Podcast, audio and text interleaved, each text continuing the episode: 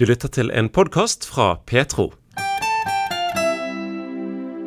Kvinnen du skal få møte nå, bor i et land der folk risikerer fengsel hvis de samles til kristne møter, og der familier og bygdefolk noen ganger tyr til vold for å straffe de som våger å bli kristne. Louisa, som vi av sikkerhetshensyn har valgt å kalle henne, er opprinnelig svensk. Hun har bodd i Norge en del år, og er nå utsending for Norsk Luthersk Misjonssamband. I august 2019 forlot hon jobben i Norge och flyttade till en by i Centralasien. Ja, det var ganska spännande. För det första är det ett land med väldigt varma, gästfria folk. Och lätta att lära känna och väldigt härliga människor.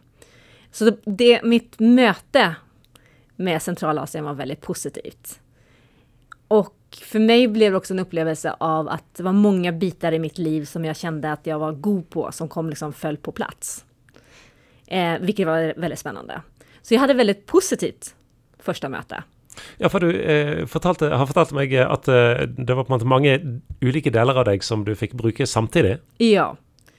Litt eh, det här med business-delen och sen också den här kristna delen, att kunna liksom, dela tro och dela det, man, liksom, det som är viktigast i livet. Och samtidigt att kunna hålla på med att se ett företag växa och se olika projekt ta fart och skapas nytt och vara, vara med i begynnelsefasen av ett projekt. Det älskar jag. Ja, för vad är det du eh, jobbar med? Vad gör du? Ja, eh, jag jobbar på ett konsultfirma. Så vi har massa lite olika projekt. Så vi har en hel del startups. Det, det betyder att man startar ett företag helt nytt. För i Centralasien så är det jättebehov för nya arbetsplatser. Och speciellt för unga människor har väldigt svårt att finna jobb. Så vi har insett att det sätt att vara med och välsigna landet och skapa arbetsplatser. Och det är också ett sätt att liksom påverka folk som man jobbar med med värdier. Eh, man kommer väldigt nära människor och då kan man börja dela tro. Så det är, ett, det är många liksom, olika nivåer som det är väldigt spännande att jobba med det. Men är det då så att du har liksom en eh, dagtidsjobb eh, där du är konsulent och så är du kristen på fritiden på måte, eller hvordan funker dette her? Jag tror man är kristen hela tiden. så, eh, så jag tänker liksom att Gud är med och leder dagtid och oavsett och in i relationer som man har och som man bygger och allting sånt. Så jag tänker liksom att det är en helhet. Men eh, dagtid så är det mer att man är på kontoret och det är det man gör. Men, och där har vi liksom, men där tror jag också att Gud är så närvarande i relationer. Och sen är det att liksom, efter det så har jag lär mig språk och möter folk. Och där får man ju, eftersom det är ett land, ett muslimskt land, så må man liksom, man behöver lära känna folk för att kunna dela tro. Så det är mycket mer långsiktigt. Ja, eh, långsiktigt på vilken måte? Alltså, alltså relationsbygging eller vad tänker du på då? Ja, jag tänker på relationsbyggning. Mm. Man måste skapa liksom ett förtroende så att man kan berätta vem man är. Så jag har nog andra kollegor eller som är i teamet som har varit där lite längre än vad jag har varit. Eh, och nu i höstas, nej våras, så var han bestman på ett, när hans kollega gifte sig. Och då fick han faktiskt dela eh, på bröllopet fick han eh, citera, han hade en tal där han citerade Bibeln. Man säger ju inte att det är Bibeln, han säger en, en, en vis bok som jag har läst, så står detta, och så läste han från första Korinthierbrevet 13. Eh, och folk blev jätteintresserade. Eh, och sen den här vännen som han har då lärt känna väldigt länge, så gav han honom Tim Kellers bok som handlar om äktenskapet. Så de har börjat läsa den tillsammans och diskutera. Vad är äktenskapet? Hur är man en god man? Och hur, hur tänker man med relationer och så vidare.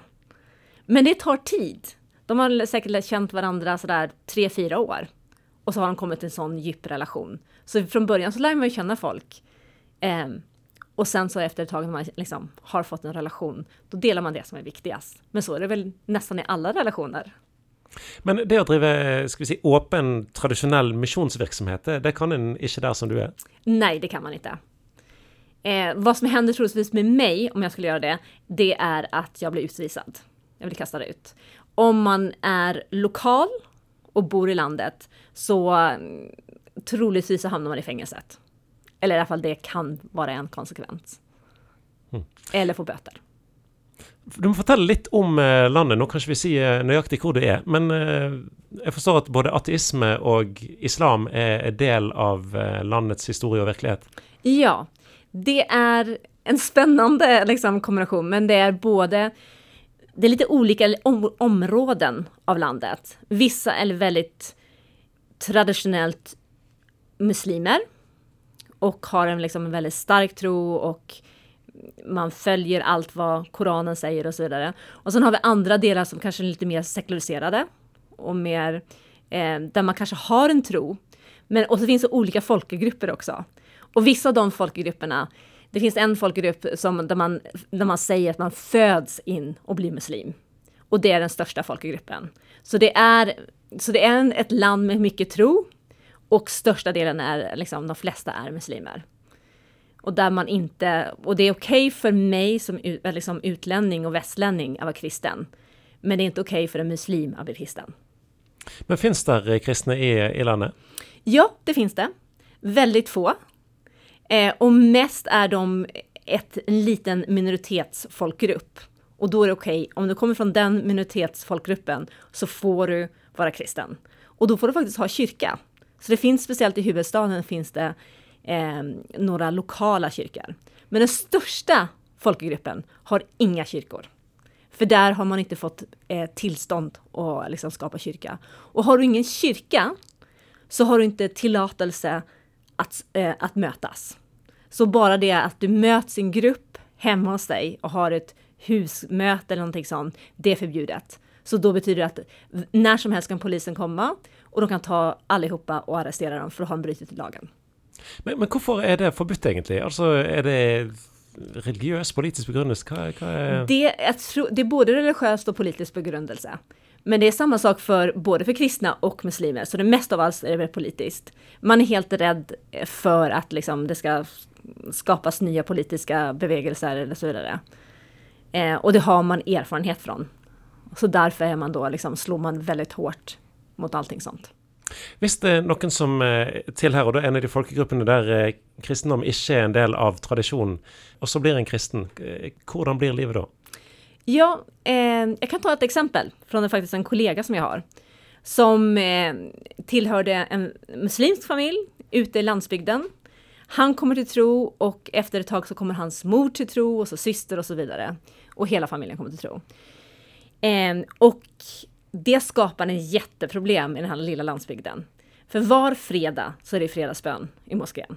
Och var fredag så står den religiösa ledaren och säger vi har ett stort problem med den här landsbygden. Och så är han så arg, speciellt mot släkten som inte har gjort någonting. Så var fredag får de möta, vad har ni gjort? varför gör ni ingenting? Det här är oacceptabelt, det här är skam för er som familj. Det här är en skam för hela, hela eh, landsbygden. Och till slut efter att man hört detta igen och igen, vecka efter vecka, och där är familjen extremt viktig. Så det är en enorm skam för hela familjen, hela släkten.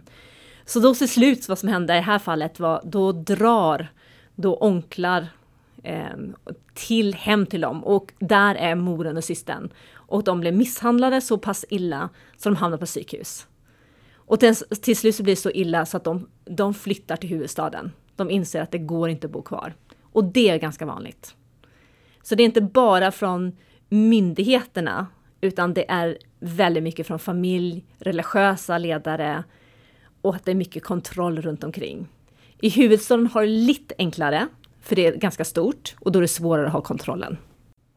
Vi prater med Lovisa, som vi har kalt deg. Det er ikke det du egentlig heter, men uh, av sikkerhetshensyn så gjør vi det altså sånn fordi at du er utsending for uh, Misjonssambandet i Sentral-Asia.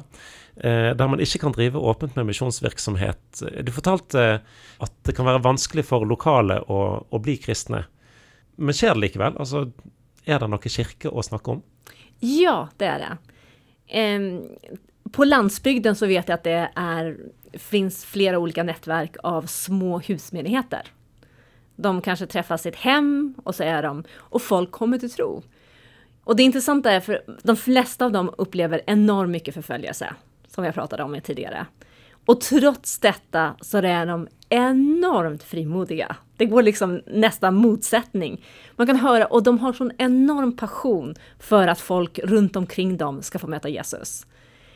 Så jag har gång på gång så undrar man, men hur kan ni vara så frimodiga? Och det man märker att var gång så säger de bara, men hur kan vi inte vara det? Vi har mött Jesus och han har förändrat livet våran. Hur kan vi vara tysta om det som sker? Och de flesta är ju första generations kristna. Och de har fått liksom livet upp och ner. Från att eh, det är ganska mycket alkoholism i landet.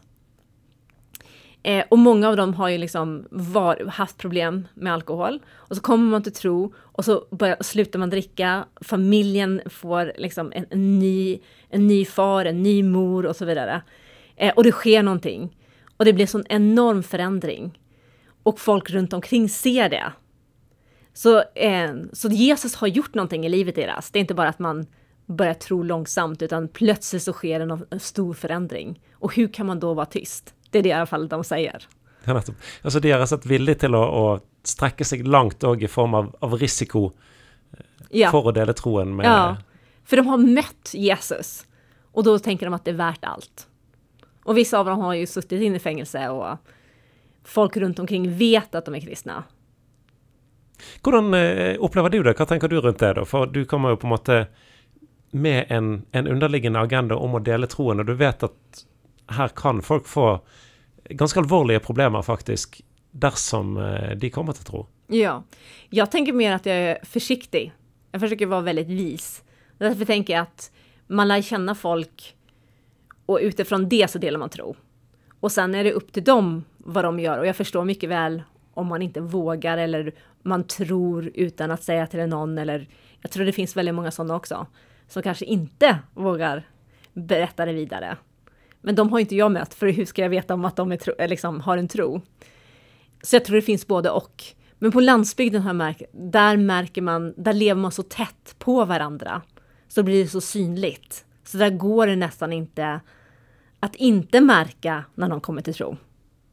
Du, det med att eh, alltså driva med relationsbygging och, och dela tro eh, med vänner som man får, eh, det är ju inte nytt för dig, även om eh, du nu gör det i ett nytt land. Ja, Nej, det är inte. men, men likväl så eh, vet jag att du är väldigt påståelig på att du är inte en evangelist-type. Nej, det är absolut inte. Jag är allt för mycket, om jag ska ut, jag har varit på sån här gatuevangelisering. Du vet man går och pratar med någon som man inte känner. Och jag hatar det. Jag är den sämsta som finns. För jag, jag är så målbevisst. Så när jag går så går jag med stor fart. Och då liksom, så när jag kommer upp till folk så vänder de och går åt ett annat håll.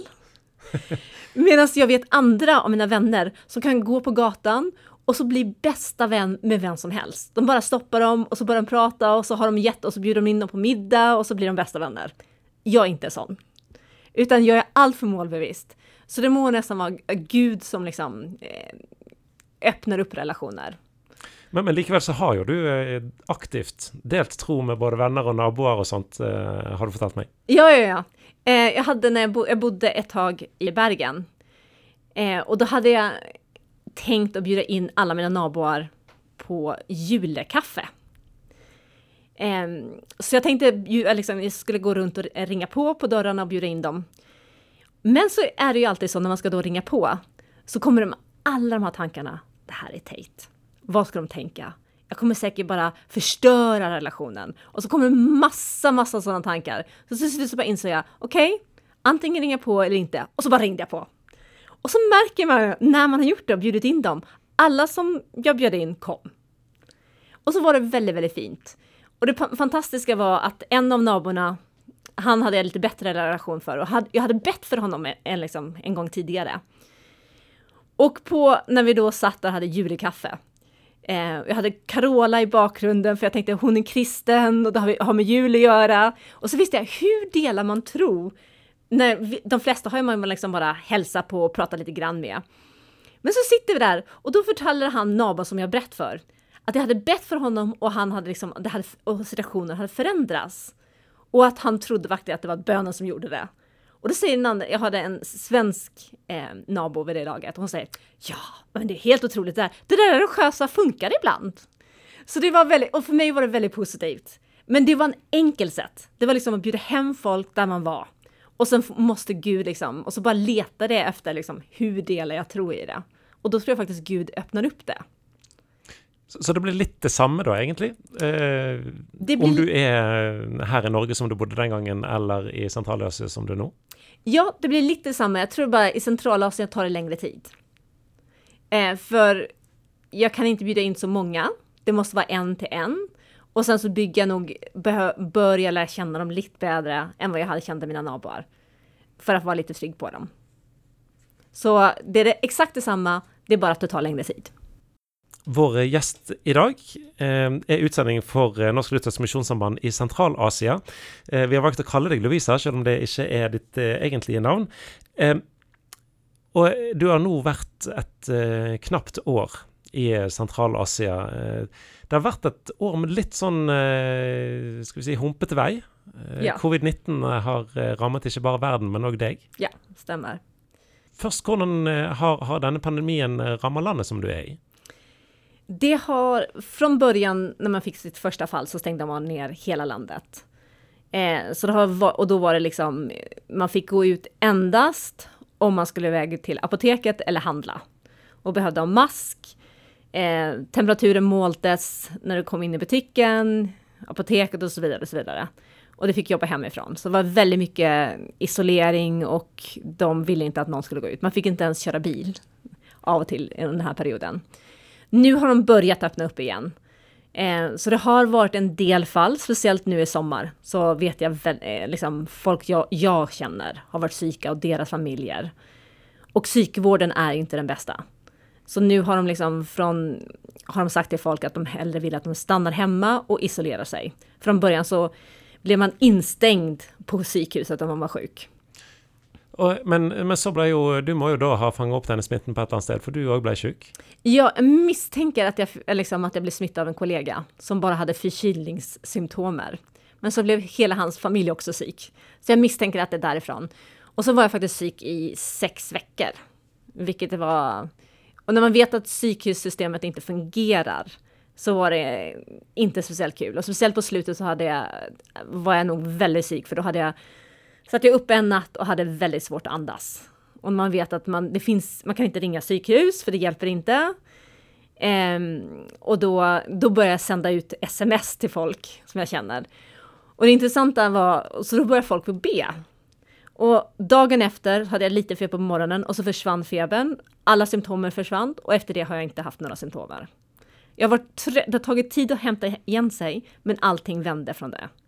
Så vad jag lärde mig var Sen fråga folk och be tidigare. Sex veckor är länge. Så eh, bön har faktiskt stor verkan. Det är verkligen sant. Men jeg ser for meg, Hvis det var meg, da, eh, så ville jeg følt meg forferdelig lost hvis jeg var i et, eh, et land som jeg ikke var vant med, og så ble jeg sjuk, og så hvis jeg ikke kunne ikke gå til sykehus osv. Blir du redd? Sista natten blev jag nog lite rädd. För när man känner att man inte kan, kan andas så tyckte jag det var, då var det var obehagligt. Men då är jag så jättefokuserad, då bara bestämde jag inte tänka på de tankarna, utan bara bestämma, okej okay, nu andas vi in, då andas vi ut och så andas vi in. Så då var det bara mentalt, men man kan inte hålla på så jättelänge. Så för mig var det jätte, det hade varit väldigt tufft om det hade fortsatt. För det var lite obehagligt. Du er jo da altså eh, Utsendinga er der for, for, å dele tro, eh, bl.a. Hvor var Gud oppi det eh, opplegget der, egentligen? Jag, jag upplevde inte så mycket av Gud då. Eh, och man kan ju tänka, vad är Gud när man mest behöver honom? För jag upplevde ingenting av Gud. Men jag tänker, även när jag bak till det, så tänker jag Gud är mitt i även där. Även fast inte jag upplevde hans närvaro eller någonting, så jag tror jag fortfarande på att Gud var mitt i det och var hos mig. Och att han, och att det här att våga lita på att också att även om inte jag förstår allting så kan jag fortfarande lita på Gud och Gud är, även fast när det är tufft och jobbigt så är han god. Eh, och samtidigt, och, och, det som varit positivt för mig också, för här, jag känner liksom att jag blev isolerad, kunde inte göra någonting och då blir man lite frustrerad över, här är jag utsänd och jag får, och de relationer jag börjat få kan jag inte göra någonting med. Men samtidigt så fick jag höra att bland många av de kristna ute i landsbygden, de hade det ännu värre. För många förlorade jobb Och det finns inget skyddsnät som NAV eller myndigheterna som liksom sparkar in massa extra pengar. Så många av dem hade, fick ingen mat och det var väldigt svårt. Och det, många kristna började samla ihop matpacker. Och så började de gå till nabor, de som trängte det. Kanske de som har förföljt dem, de som har varit harda mot dem, de som har är liksom, fryst ute dem, inte varit vänliga, eh, gjort att de har kanske förlorat jobb, allting sånt. Plötsligt går de till dem med matpackar, för de tränger det. Och så i det så är det så helt otroligt, så blir de, de förstår inte varför. De blir helt chockade. Varför kommer du till oss? Vi har inte varit snälla mot er. Varför kommer nu mat?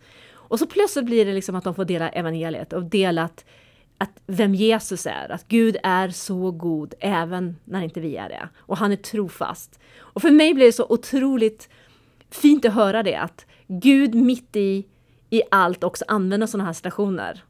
Eh, så jag bara tänker i helheten så är Gud är god även genom sådana perioder. Och när man, även när man inte ser allt. Framover. Nå är du i Norge. Ja. Eh, men det är inte planen att fortsätta med det? Nej, jag hoppas eh, att kunna åka ut nu igen i september. Några konkreta ting som du eh, vet du ska jobba med och som du hoppas på? Ja, vi har lite nya projekt som vi håller på att starta. Så det är uppstartning av ett kvinnoprojekt, liksom eh, utveckling av ett kvinnoprojekt, eventuellt kunna starta några nya företag. Så det ser jag fram emot.